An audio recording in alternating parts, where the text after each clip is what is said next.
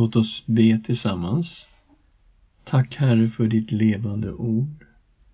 Tack Fader för de här underbara kapitlen som ligger framför, kapitel 40 till 66. Och vi ber Herre att du öppnar den här delen av Jesajas bok för oss och talar till oss genom din helige Ande. I Jesu Kristi namn. Amen. Vi kommer in i det sista riktigt stora blocket som jag kallar för babylonisk period med befrielse och hopp. Jesaja 40 till 66. Och jag säger redan från början det vi har sagt tidigare, det är viktigt att inte läsa den här texten kronologiskt utan mer tematiskt. Den här delen av Jesaja kallas ju ofta för trösteboken och det har att göra med att den inleds med orden Trösta, trösta mitt folk, säger er Gud. Och för enkelhetens skull kommer jag också kalla den för trösteboken. Det är framförallt den här delen av Jesajas bok som styckats upp i olika författare. Trösteboken berör helt klart olika tidsperioder denna avsnitt som verkar komma från tiden före fångenskapen i Babel, som 43, 22-24, 56, 9-57, 13, 59, 1-8. Och sen finns det avsnitt som tycks beskriva eller beröra själva fångenskapsperioden men ändå före Babels fall. 43, 14, 46, 1-47, 15. Och en del avsnitt tycks beskriva perioden efter befrielsen när den persiske kungen Koresh till och med namnges 44, 20 till 45 och 8. Dessutom finns det flera eskatologiska avsnitt som berör en kommande tid av dom och härlighet. Men som jag motiverat i bakgrundsstudiet har jag valt att hålla samman Jesajas bok som en enhet, alltså inte uppstyckad i flera olika författare. Det här temat med att höra, se och förstå, det är något som är kvar också här i trösteboken. Jesajas bok växlar hela tiden mellan de som inte vänt om till Herren och de sanna troende. Jag har valt att kalla den troende delen av folket för kvarlevan. Och den gruppen introducerades väldigt tidigt i Jesajas bok. Redan i kapitel 1, vers 9 möter vi kvarlevan för första gången som en orsak till varför Jerusalem inte gick under år 701 när Assyrien belägrade Jerusalem. Och jag har sagt flera gånger att jag tänker mig att kvarlevan fanns nästan som en församling kring profeten Jesaja. Och det är också mycket troligt att det är någon i kvarlevan som har hållit i pennan och skrivit ner de här profetiorna. Och även här i trösteboken är faktiskt kvarlevan vanlig. Brevets tema, det mötte vi vid profetens kallelse kapitel 6 särskilt vers 9 till 11. Det vill säga det här med att höra, se och förstå. Därför att profeten var ju kallad till ett folk som inte skulle se och inte skulle höra och inte förstå och inte vända om. Och det här är ett genomgående tema i hela boken, även i trösteboken. Därför att Jesaja och kvarlevan, de såg, hörde och förstod. Men det gjorde inte det övriga folket. Och väldigt många av Guds underbara löften som vi kommer att möta här i trösteboken, de är riktade till just kvarlevan. Människor som har vänt om och som följer Herren. Och vi ska titta på den första delen av trösteboken Befrielse och frälsning genom tjänaren kapitel 40 till 57. I det här avsnittet kommer vi att möta Herrens tjänare och ibland så syftade tjänaren på Israel som folk. Till exempel 41, vers 8 och 9, 44, 1 och 2, 44, 21, 49 och 3. Men ibland syftar uttrycket Herrens tjänare på en person. 42, 1-9, 49, 6, 50, 4-9, 52, 13 53 och 12. Och då kanske vi ska lägga till den här texten som Jesus själv läste upp i synagogan i Nasaret. Kapitel 61, vers 1 och 2 och det gjorde han i Lukas 4, 17-19. Herrens tjänare är identifierad som Jesus Kristus i Nya Testamentet. Och det skulle ju innebära att om Jesus var tjänaren, då måste han också representera Israel inför Gud. Därför att här är uttrycket Herrens tjänare ibland Israel och ibland en person. Att han representerar oss, det är vi ju tacksamma för när vi tänker på mänsklighetens försoning. Men vi är inte lika vana vid att tänka på att han också representerade Israel inför Gud. Men det gjorde han och det här är en viktig del av Bibeln för att förstå att Jesus faktiskt representerade också Israel. Den första delen här har vi kallat för Herren ska komma med tröst och försoning. Kapitel 40, vers 1 till 11. Och den här delen betraktar jag som en handlingsplan, någonting som Gud kommer att göra och den blickar väldigt långt framåt och faktiskt kommer ända fram till Nya testamentet och Jesus Kristus. Vi läser de första två verserna där Herren talar tröst till Jerusalem. Trösta, trösta mitt folk, säger er Gud. Tala till Jerusalems hjärta och förkunna för det att dess vedermöda är slut, att dess skuld är försonad, att det fått dubbelt igen av Herrens hand för alla sina synder. Och så kommer det här som vi har så mycket förknippat med just Johannes döparen. Kapitel 40, vers 3 5 där vi förstår att Herren själv ska komma på besök. En röst ropar i öknen. Bana väg för Herren. Gör vägen rak i ödemarken för vår Gud. Varje dal ska höjas, alla berg och höjder sänkas. Ojämn mark ska jämnas, kuperat land blir slät mark. Herrens härlighet ska uppenbaras. Alla människor ska se det tillsammans, för Herrens mun har talat. Och bilden vi ser här det är att en stor kung ska komma på besök. Man ska bygga en eh, motorväg för den här kungen. Dalarna ska höjas, bergen ska sänkas, den ojämna marken ska jämnas och man ska bana en väg för Jahve, Herren Gud, ska komma på besök. Och Johannes döparen, han hade ju förstått vem han var. Och det går ju tillbaks till vad ängeln Gabriel sa till Johannes döparen innan han föddes. När ängeln Gabriel talade med Sakarias. Så här står det i Lukas kapitel 1, vers 15. För han, alltså Johannes döparen, ska bli stor inför Herren.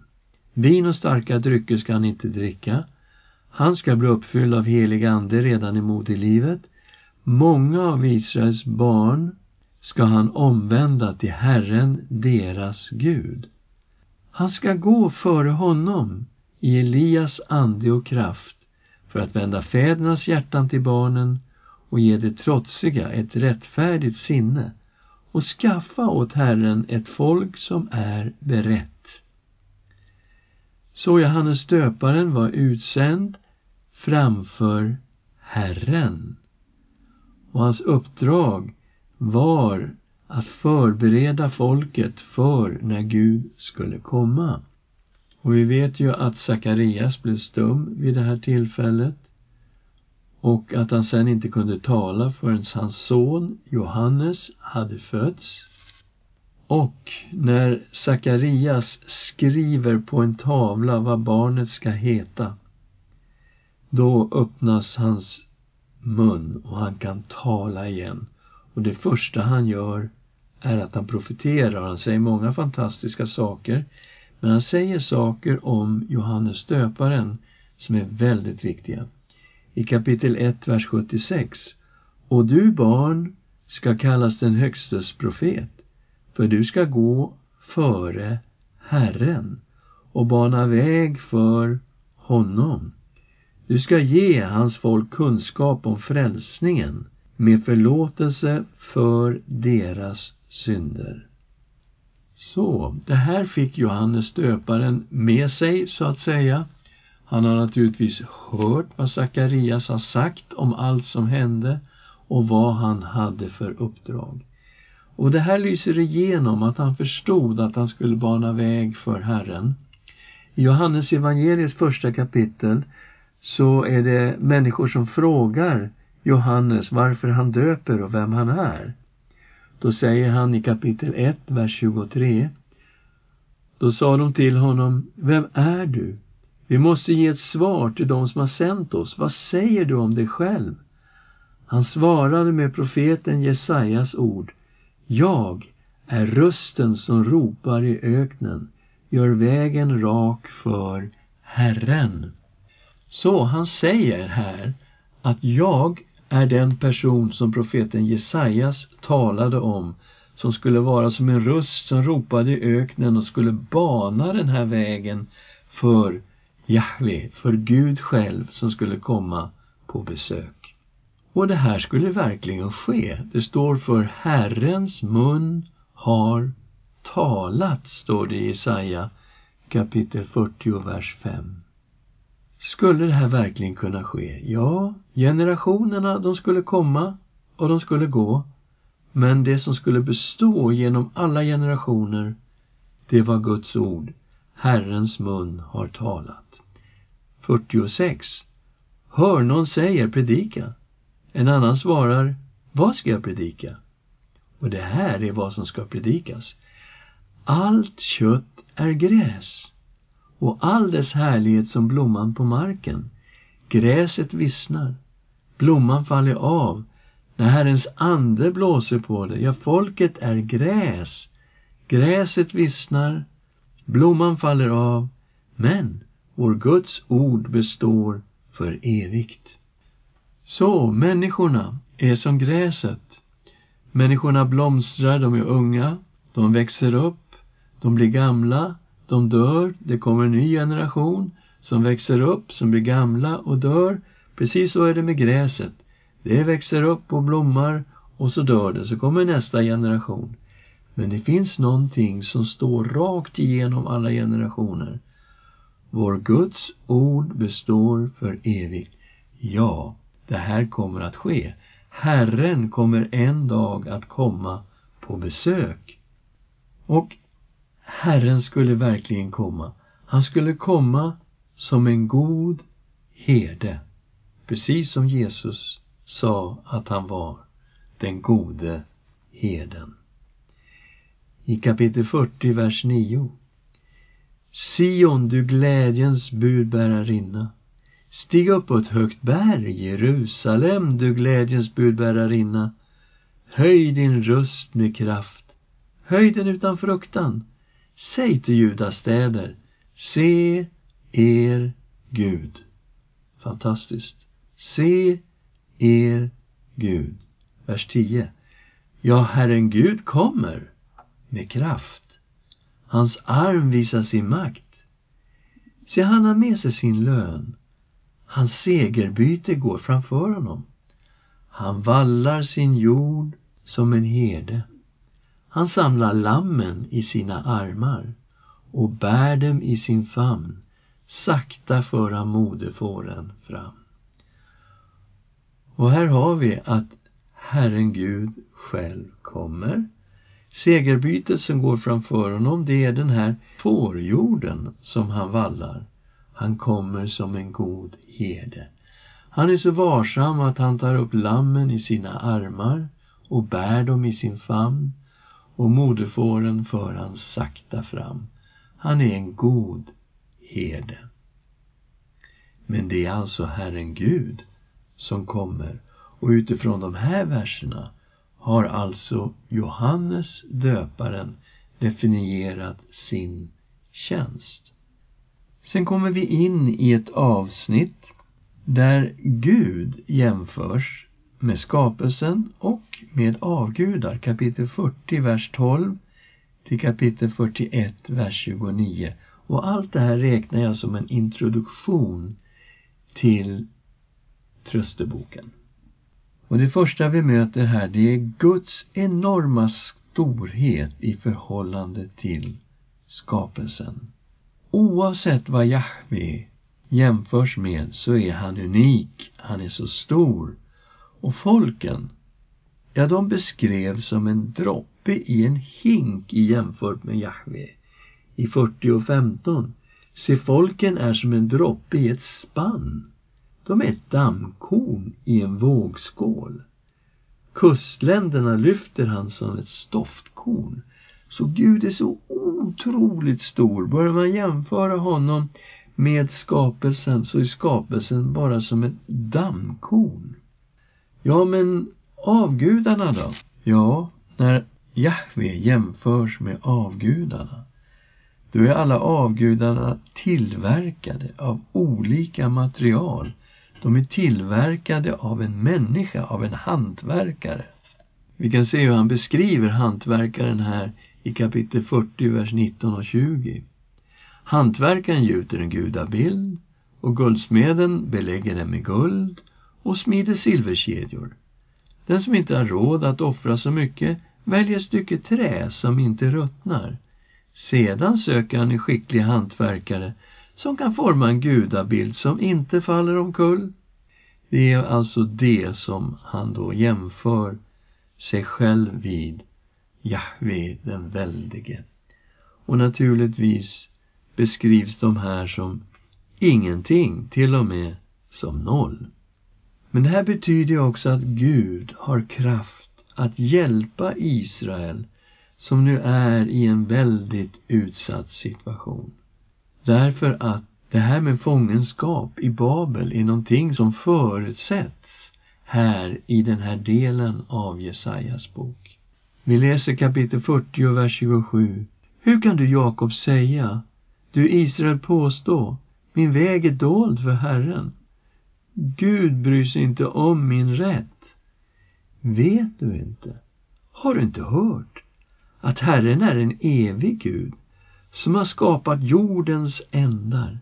Han blir inte trött och mattas inte och hans förstånd kan inte utforskas.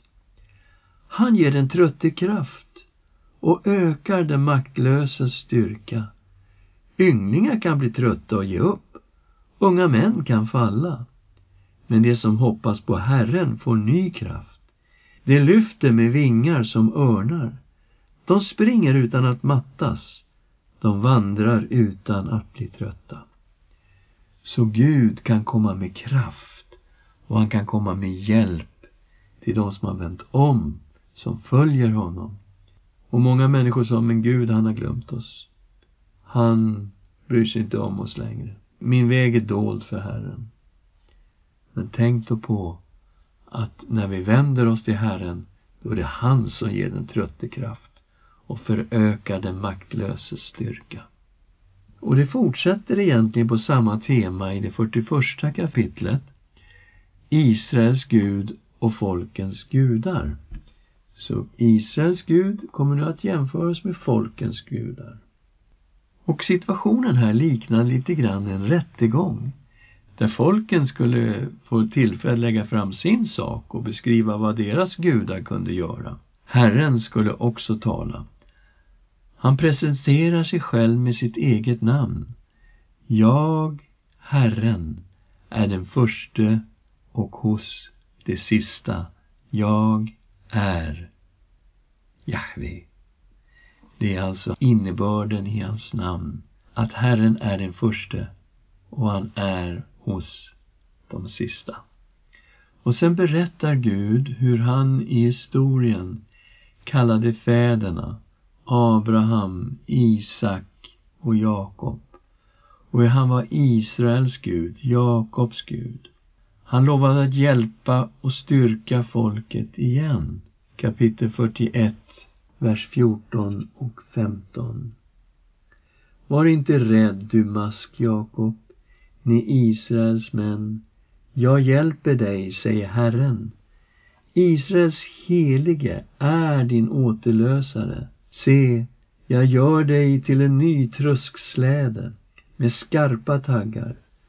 Du ska truska sönder berg och krossa dem till stoft och göra höjder till agnar. Du ska kasta dem med kastskovel och vinden ska föra bort dem och stormen skingna dem. Och själv ska du jubla i Herren och ha din ära i Israels helige. Det här är ett bildspråk som kommer igen hos Johannes döparen där han beskriver Messias som den som noga rensar sin loge och så har sin kastskovel i handen. Och man tröskade ju först säden och sen, för att få bort agnarna från vetet, så kastade man upp det här i luften och vinden kom och tog bort agnarna och vetet föll ner på marken. Det var ju så man fick fram säden så att den kunde malas till att bli bröd. Och det är det här bildspråket som används här nu. Han skulle åter välsigna landet. Men de här folkens avgudar då? Ja, de fick chans att tala i den här rättegången i vers 21. För fram er sak, säger Herren. Kom med era bevis, säger Jakobs kung. Låt dem komma och berätta för oss vad som ska ske. Var finns era tidigare utsagor? Lägg fram dem så ska vi studera dem och se hur de har uppfyllts. Eller låt oss höra vad som ska komma. Tala om vad som ska hända i framtiden så att vi ser att ni är gudar. Gör något, vad som helst, så att vi alla häpnar när vi ser det. Men se, ni är mindre än noll. Ert verk är ingenting alls. Den som väljer er är avskyvärd. Så han utmanar gudarna att komma med sina profetier. Har ni några profetier? Kan ni berätta vad ska ske i framtiden? Nej, ni är mindre än noll. Men Herren, han förutsade att en befriare skulle komma. Och det är faktiskt mycket möjligt att de här verserna, kapitel 41, 25 och 26, syftar på Koresh som blev den persiske kungen som skulle befria Israel, befria Juda ifrån Babel. Vi läser kapitel 41, vers 25 och 26 och tänker på att det kan vara Koresh som avses. Jag har låtit en man uppstå i norr och han kommer från öster. Han ska åkalla mitt namn. Han ska gå fram över de styrande som över lerjord, lik en krukmakare som trampar lera. Vem talade om det från begynnelsen, så att vi fick veta det? Eller i förväg, så att vi kunde säga, han har rätt. Det fanns ingen som talade om det, ingen som lät oss höra det, ingen som hörde er tala om det. Så, det kan mycket väl vara att Herren säger till avgudarna, har ni några profetier? Nej, det har ni inte. Okej, okay. här kommer en man som jag ska låta uppstå som kommer från öster. Och det är klart, Persien ligger i öster i förhållande till Babel och genom den här personen så kommer han att krossa de styrande som över lerjord. Och Gud säger igen, det är jag som säger det. I vers 27. Jag är den förste som säger till Sion, se där är det. Jag ger Jerusalem en glädjebudbärare. Jag ser mig om, men här finns ingen. Av dessa kan ingen ge besked, alltså av de här avgudarna finns det ingen som kan ge besked. Ingen Ge ett svar på min fråga. Se, de är alla förfängliga. Deras verk är ingenting. Deras avgudabilder är vind och tomhet. Och det här väcker ju förstås en fråga. Varför denna utmaning av avgudarna? Varför utmanar Jahve avgudarna? Jo, avguderiet var en huvudorsak till Guds dom över både Israel och Juda. Och när Herren på det här sättet jämförde sig själv med avgudarna, då var det för att folket skulle förstå att deras kommande befrielse, den berodde enbart på Herren och inte på någon avgud. Han visar först att de här är ingenting, så det som kommer att ske i framtiden, det är Guds verk. Ska vi be tillsammans. Tack Herre för ditt levande ord. Tack Herre att du kom med tröst till ditt folk. Men mer än så, du lovade att en dag skulle du komma på besök. Och du reste upp Johannes döparen för att bana väg för dig själv, Herre Jesus, när du kom och uppenbarade Gud för oss människor. Tack, Herre, för dessa ord där det står så tydligt att du ska komma. Där det står så tydligt att du ska komma och att du kommer med kraft, du kommer med makt, men du kommer också som en god herde som samlar lammen i dina armar, som bär dem i din famn. Tack, Herre, i Jesu Kristi namn. Amen.